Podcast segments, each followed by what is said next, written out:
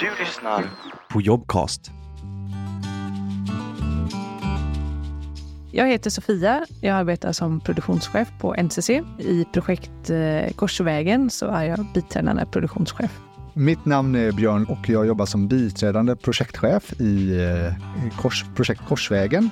Där gör vi ett eh, projekt tillsammans med Weissen Freitag och vi har bildat ett bolag som heter VLC.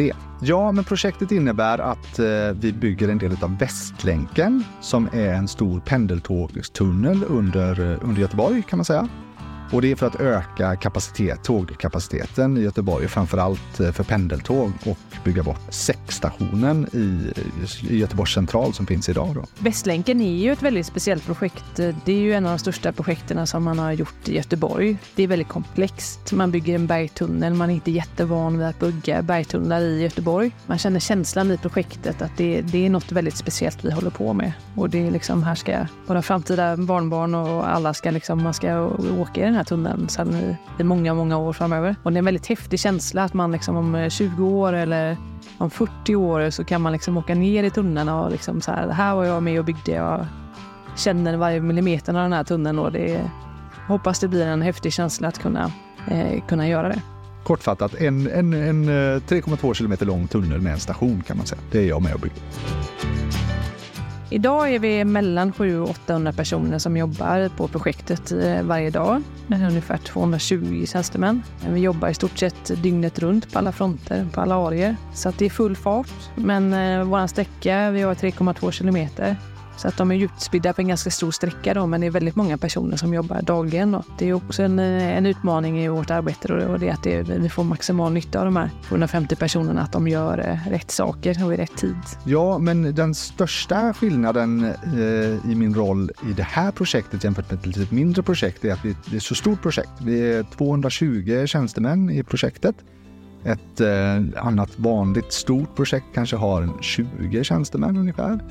Eh, och det här ställer ju högre krav på oss att vi behöver leda genom ledare då, kan man säga. Jag har inte möjlighet att träffa alla, alla medarbetare i projektet och prata direkt med alla, alla personer, utan det gäller att man leder genom ledare. Så att eh, det är, en, det är en stor skillnad i ett stort projekt jämfört med eller ett megaprojekt jämfört med ett vanligt stort projekt. kan man säga. Det är många nationaliteter. Ehm, bergarbetarna i tunneln när vi spränger, då har vi svenska egna arbetare som anställda på NCC. Men de flesta andra arbetena så tar vi in underentreprenörer och de eh, kommer ofta från utlandet så att det är en mix och vårt eh, projektspråk är eh, internt är ju engelska.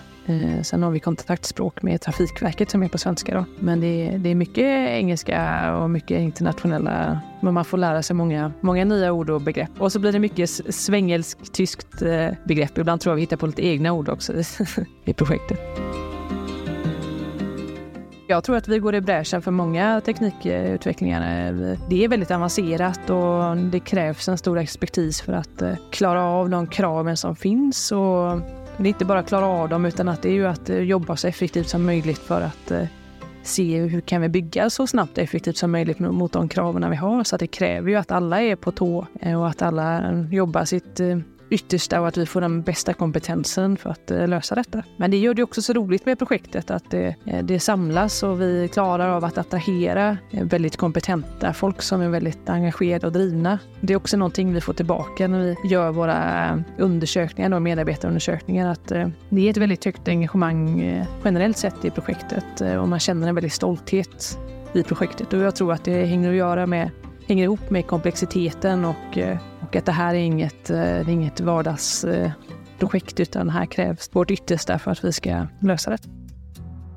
Ja, men känslan när man kommer ut i projektet, det är att eh, det är väldigt roligt. Jag sa tidigare att ja, men jag tycker det är roligt att gå till jobbet varje dag. Och eh, det roliga med det är att eh, det roliga och varför det är roligt är för att vi, jag har fantastiska medarbetare och kollegor som kämpar och fightas och gör det där lilla extra varje dag. Och eh, få se det liksom när man går ut och ser att ja, men här har vi kommit fram och här har vi faktiskt gjort det där och det man har sett kanske på ritbordet eller planeringsstadiet faktiskt blir utfört och kanske till och med lite bättre än vad man själv hade tänkt sig. Det är väldigt inspirerande.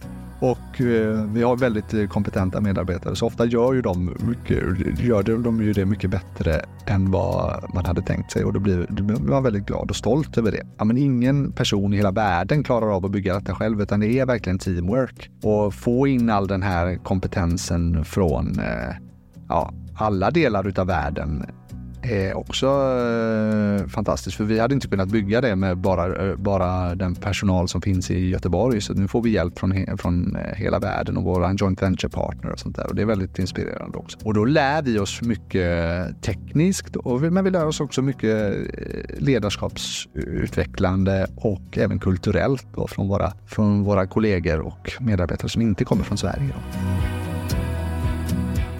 NCC överraskade mig lite grann eh, med, med sitt utbildningsprogram. Eh, det visste jag faktiskt inte om och det hade, hade jag nog eh, gärna velat veta innan. Eller det hade lockat mig bättre innan. Eh, jag har haft möjligheten att gå på ett program som heter Strategic Leadership Program eh, som har varit jättespännande eh, och väldigt professionellt utfört i samarbete med, med Handelshögskolan i Stockholm. Och det har berikat mig väldigt mycket och jag har även varit med i andra sammanhang, till exempel en, en, en, en kurs eller vad man ska säga som heter Next Generation där man får träffa andra personer från många olika delar av NCC.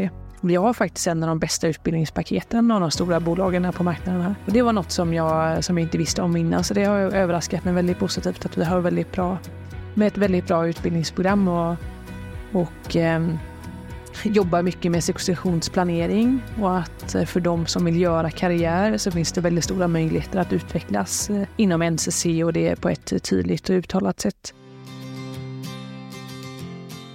om du kommer in tidigt i projektet eh, så kommer du definitivt kunna utvecklas eh, i alla möjliga riktningar kan man säga. Eh, så vill man ta mer ansvar så, eh, så kommer man definitivt kunna utvecklas till att få, få ta mer ansvar. Dels genom att eh, ja, hur stort scope som man, som man blir ansvarig för. Eh, men även i, inom arbetsuppgifter, att man, man får mer och mer avancerade arbetsuppgifter. Då.